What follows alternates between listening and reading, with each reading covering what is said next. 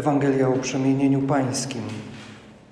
Chcielibyśmy wejść głębiej w to dzisiejsze wydarzenie, a ono objawi nam tajemnice, które skrywa.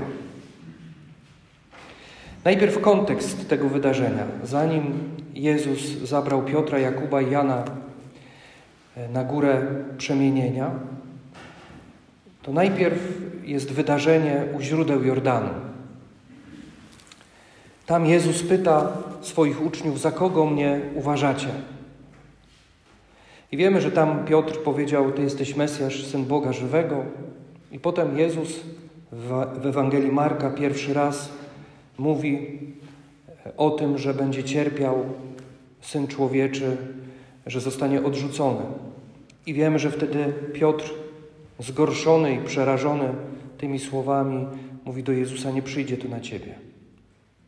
Myślę, że nie tylko Piotr tak zareagował. Jezus, widząc tą reakcję, zabiera ich na górę przemienienia. Tradycja mówi, że jest to góra Tabor, 588 metrów nad poziomem morza. Skąd wiemy, mamy, skąd wiemy, że to jest właśnie ta góra? Bo w Galilei, gdzie właśnie przebywali apostołowie, to jest jedyna wysoka góra. Jedyna wysoka góra na równinie Ezdrelon. Piękna, z tej góry przepiękne krajobrazy Ziemi Świętej. A święty Łukasz, w relacji świętego Łukasza, e, słyszymy, że wszystko to dzieje się w modlitwie, że Jezus idzie e, na modlitwę i zabiera ze sobą Piotra, Jana i Jakuba. I w ich obecności przemienia się, przeobraża się. W języku greckim to jest metamorfo, czyli przechodzi metamorfozę. Przemienia się, jego szaty stają się lśniąco białe, suknia ukazuje rąbek swojego bóstwa. I w tym samym momencie apostołom ukazują się Eliasz razem z Mojżeszem. Bardzo symboliczne postacie, dlatego że Mojżesz jest prawodawcą, czyli to jest prawo, a Eliasz jest przedstawicielem proroków, czyli proroctwa. Prawo i prorocy to jest cały Stary Testament. Stojąc po bokach Jezusa, ukazuje Stary Testament, że Chrystus jest centrum. Że i prawo, i prorocy pokazują i wskazują na Jezusa. Jezus jest doskonałym wypełnieniem prawa, a jeśli chodzi o proroków, to wszystkie proroctwa, które pojawiają się w Starym Testamencie, wypełniły się w Jezusie. Jeśli ktoś studiował bądź chociaż łyknął bądź liznął rachunek prawdopodobieństwa, to wie, że jest to praktycznie niemożliwe, żeby tyle proroctw wypełniło się w jednej osobie. Proroctw, które były wypowiadane na przestrzeni wieków, bo chociażby proroctwo Izajasza na temat męki Pana Jezusa, zapowiadające mękę, sługa Jahwe, cierpiący sługa Jahwe, był około 650 lat przed pojawieniem się Jezusa, przed narodzinami Jezusa. Wygłoszone przez Izajasza to proroctwo było. I tak przez wiele, wiele wieków można by powiedzieć, że około takich twardych, podstawowych proroctw jest 60, takich pobocznych wątków proroczych jest 270. Więc ktoś kiedyś obliczył, że gdybyśmy chociaż wzięli tylko osiem proroctw, już tak minimalnie, osiem proroctw, które mają się na przestrzeni tych wieków wypełnić w jednej osobie, to jest jak jeden do 1026 czy do 27 rachunek prawdopodobieństwa. Czyli to jest po prostu niemożliwe. Ale dla Boga nie ma rzeczy niemożliwych. Więc myślę sobie, że tutaj matematyk powinien skłonić głowę i powiedzieć: Ty jesteś Mesjasz, syn Boga żywego. A więc prorocy I prawo mówi: Jezus jest prawdziwym Mesjaszem. I Piotr i apostołowie robią, jakby reagują na tą prawdę, to co widzą, to na co widzą, reagują. W jaki sposób reagują? Niektórzy komentatorzy mówią, że to przestraszenie, to przerażenie, które było w oczach Piotra, Jana i Jakuba, to było to nie tyle przerażenie, co oni byli przeniknięci, przesiąknięci zapałem, takim zapałem wiary, zapałem religijnym. I Piotr, e, patrząc na to, co się dzieje, mówi do Jezusa: e, Postawmy trzy namioty. I to słowo namioty to inaczej znaczy postawmy trzy kościoły, postawmy trzy przybytki, dlatego że słowo namiot y, znaczy inaczej przenośnie przybytek Boga, na wzór którego później została wybudowana świątynia jerozolimska przez Salomona. Y, notabene na górze, na której dzisiaj słyszeliśmy, że Abraham miał złożyć Izaaka w ofierze. Góra Moria to jest góra, na której Salomon później e, w księdze Kronik, w drugiej księdze Kronik słyszymy, wybudował świątynię e, jerozolimską. Na wzór właśnie tego przenośnego przybytku, który używali Izraelici, kiedy szli przez pustynię za Mojżesza. I Piotr mówi, niejako chce powiedzieć, wskazując na Jezusa, Ty jesteś przybytkiem, Ty jesteś świątynią, Ty jesteś prawdziwym Synem Bożym. W Tobie jest Boża obecność. To Ty jesteś Bożą obecnością. I dokładnie kiedy wypowiada te słowa, w tym samym momencie pojawia się obłok, który ich osłania. Obłok znów, który symbolizuje chmurę. E, to słowo jest e, używane w odniesieniu do chwały Bożej, która szła i prowadziła Izrael przez pustynię, przez te 40 lat. Ale to jest też ten obłok, który osłonił Maryję przy jej zesłaniu. Obłok to jest też znak i symbol Ducha Świętego. A więc mamy całą trójcę, zobaczcie. Duch Święty, który osłania górę Tabor i słyszymy głos teraz Ojca, który mówi: Ty jesteś mój syn umiłowany a do apostołów mówi: Jego słuchajcie. Ty jesteś moim synem, e, a wy słuchajcie mojego syna. I wiemy, że kiedy schodzą z góry, oni o tym wydarzeniu cały czas rozprawiają, dociekają, badają, bo słowo rozprawiać właśnie znaczy suzeteo z języka greckiego, to znaczy rozprawiać, to znaczy dociekać, badać, ale też podważać. A więc oni się tym zajmowali, oni dyskutowali, oni nad tym rozważali. To doświadczenie na górze Tabor, na górze przemienienia było potrzebne apostołom. Ono miało dać im siłę i moc do tego, żeby zmierzyć się e, z trudnymi wydarzeniami, które nastąpią niedługo. Ale wiemy, że to wydarzenie z góry przemienienia, z góry Tabor, wyparowało z nich. E, na górze oliwnej widzimy, co się dzieje. Opuszczają swojego mistrza, zapierają się go, uciekają. A więc to wydarzenie z góry Tabor nie zostawiło w nich żadnego śladu uciekli. A Jezus, to wydarzenie w Jezusie zostawiło konkretny ślad. Świadomość tego, że jest synem Boga. I ta świadomość pozostała z nim do końca, bo nawet na krzyżu Jezus woła Ojcze. Czyli nawet na krzyżu pozostaje E, synem. Nie podważa tego w sobie. To wydarzenie jest tak potężne i tak silne i tak mocne, że ta świadomość w nim pozostaje do końca.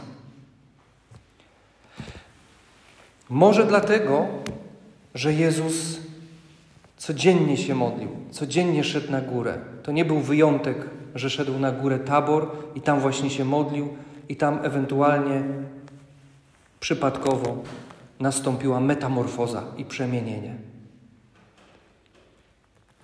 Ale nie słyszymy w Ewangelii o apostołach, którzy robią to, co Jezus. Wiemy, że oni go szukają, że idą głosić, e, różne rzeczy robią, ale nie ma tam takich wzmianek właśnie o tym, że się modlą. Może to jest na potrzeby tej homilii, tego słowa, a może faktycznie tak było, że mało się modlili, bo by cały czas przebywali ze swoim mistrzem. Ale co to znaczy?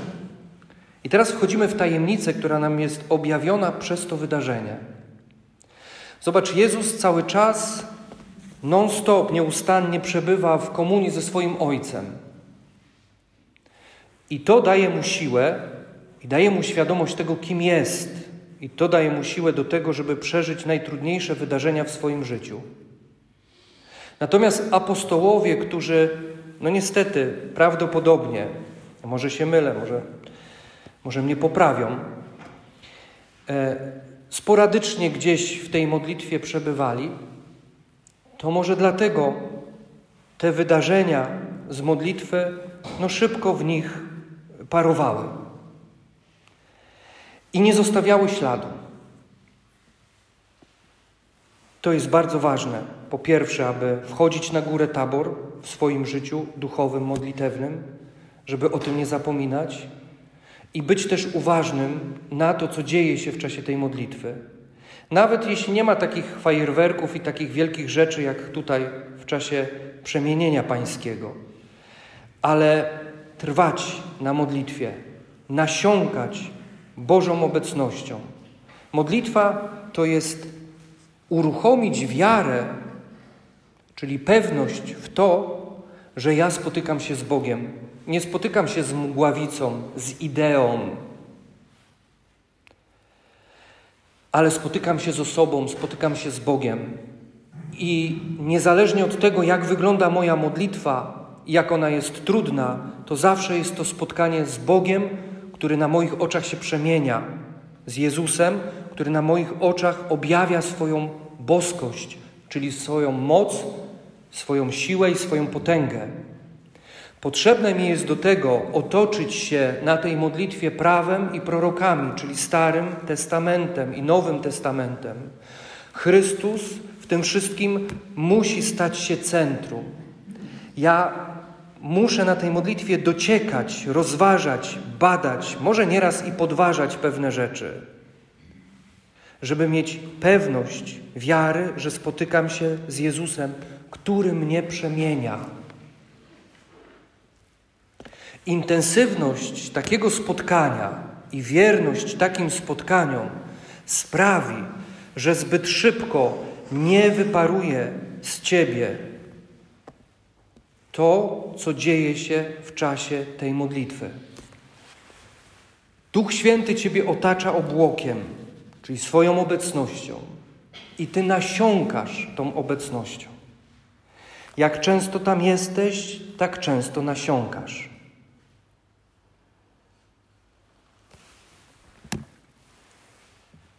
Czym masz nasiąkać? I tutaj z pomocą przychodzi nam dzisiejszy list świętego Pawła, apostoła do Rzymian. Chciałbym jeszcze raz ten fragment przeczytać, ale z innego tłumaczenia, które jest bardziej przystosowane do naszych dzisiejszych warunków i naszej dzisiejszej kultury. Święty Paweł mówi tak: Czy teraz, gdy Bóg stanął po naszej stronie, ktokolwiek ośmieli się wystąpić przeciwko nam, a skoro On nie powstrzymał się, by w osobie Syna wydać swe ludzkie ciało na śmierć za nas wszystkich, jakżeby wraz z Nim nie miał nam ofiarować wszystkiego, co jest Jego wiecznym dziedzictwem. Kto śmiałby teraz oskarżać tych, których Bóg przygarnął i uznał za sprawiedliwych?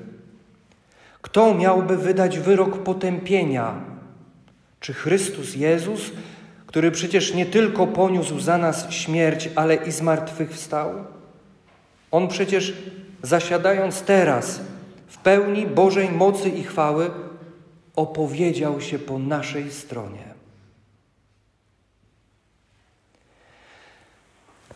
To jest istota każdej modlitwy.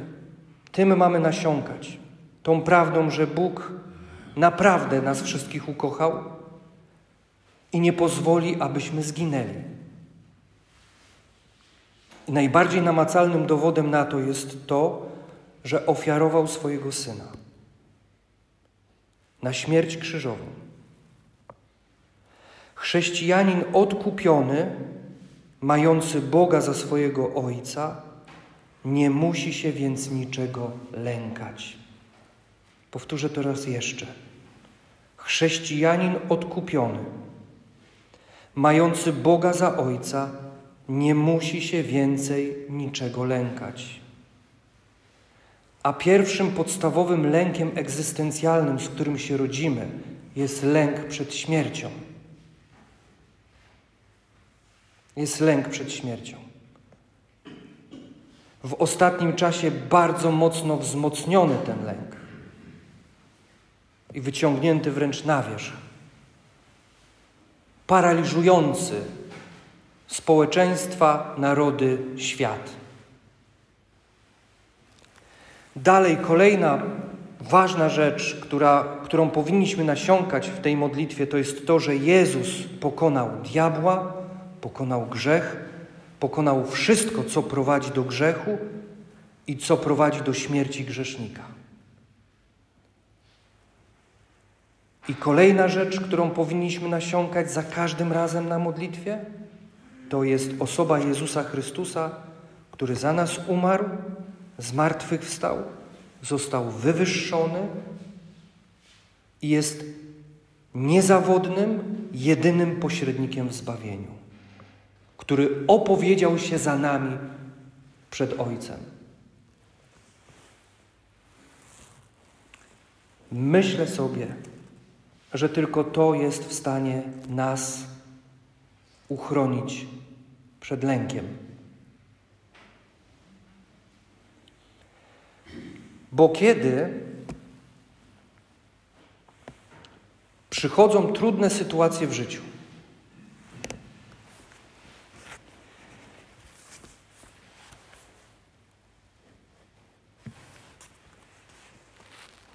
kiedy przychodzi śmierć, kiedy przychodzi lęk przed śmiercią,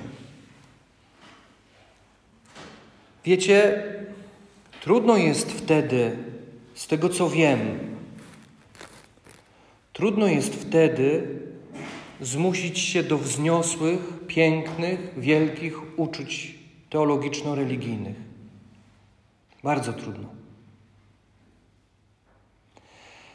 Jeśli ktokolwiek w życiu chociaż raz przeżył potężną migrenę, to wie o czym ja mówię.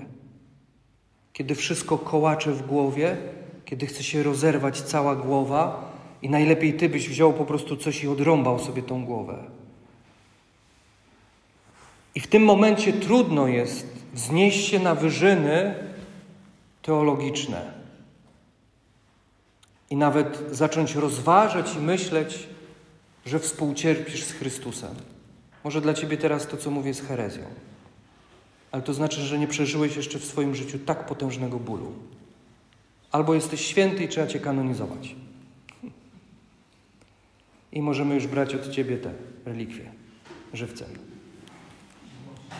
Włosy na razie, tak. Wiecie po co to wszystko? Wiecie po co ta góra tabor? Wiecie po co modlitwy? Wiecie po co my tutaj jesteśmy? Po co my nasiąkamy Bożą obecnością? Po co robimy wszystko, żeby być skupionym tylko i wyłącznie na Jezusie? Żeby naprawdę być sfokusowanym na tej rzeczywistości, że Chrystus umarł, Chrystus zmartwychwstał, Chrystus powróci, że Chrystus od nas, oddał za nas życie, że jest jedynym naszym zbawieniem. Po to to wszystko po to te ćwiczenia tutaj przez życie, żebyśmy na końcu swojego życia, kiedy naprawdę będzie ciężko, kiedy nie daj Boże ktoś stanie, tak jak dzieje się to na Dalekim Wschodzie, w Syrii, tak, wyrzeknie się Chrystusa. Nie. w ułamku sekundy jest podrzynane gardło takiej osobie. Dzisiaj chrześcijanie to jest, naj, to jest najwięcej chrześcijan dzisiaj jest prześladowanych. To jest naj, grupa najbardziej prześladowana dzisiaj w świecie.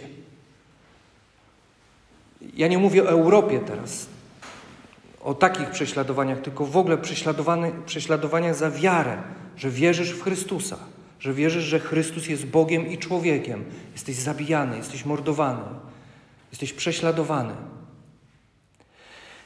Wiecie, żeby w tych momentach najtrudniejszych, przecież takim prześladowaniem ze strony diabła może być cierpienie, może być boleść, może być ból. Spróbuj o tym pomyśleć w taki sposób. I kiedy przychodzi na ciebie takie trudne doświadczenie,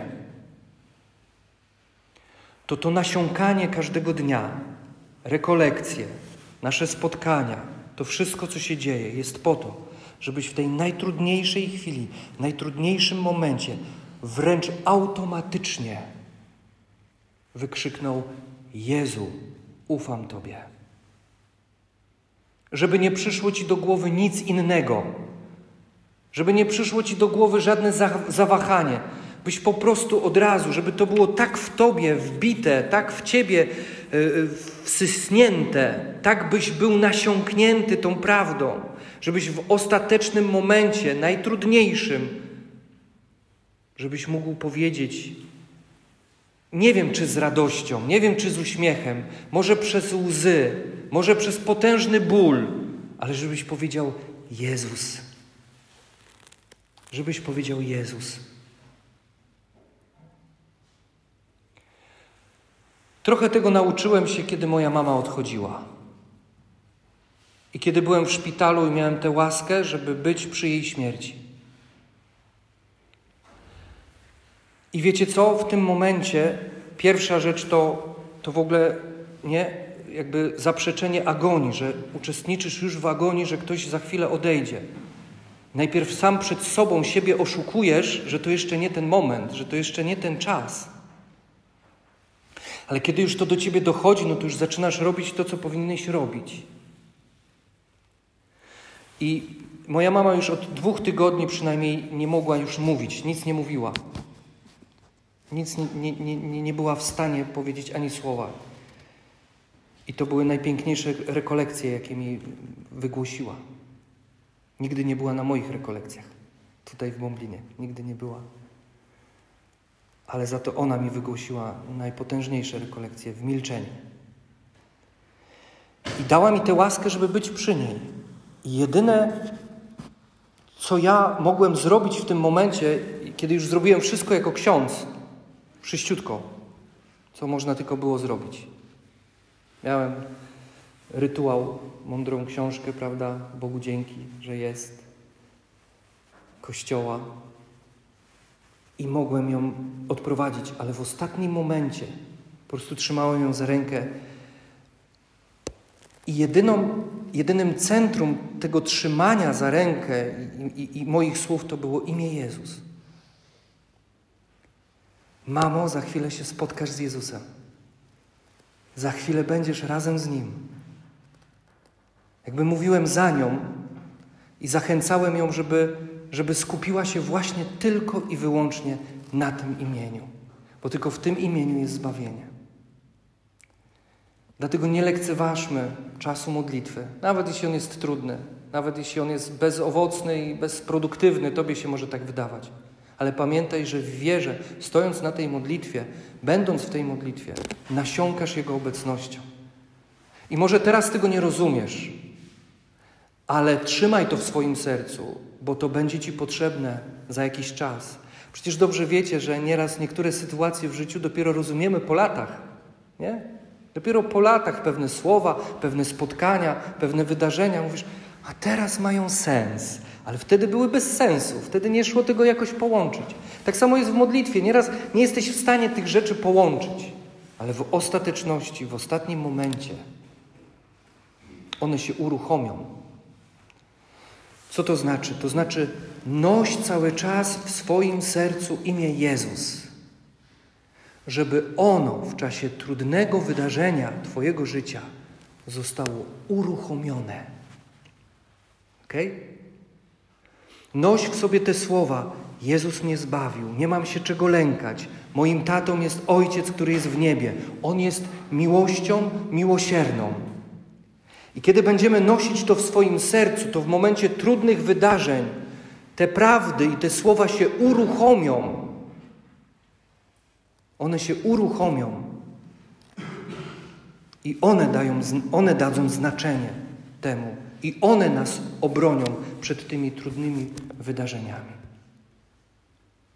Oby każdy z nas, jak tutaj jest, e, w chwili najtrudniejszej swojego życia, nie chciał niczego innego wypowiedzieć, jak tylko tego. Jezu, ufam Tobie. Amen.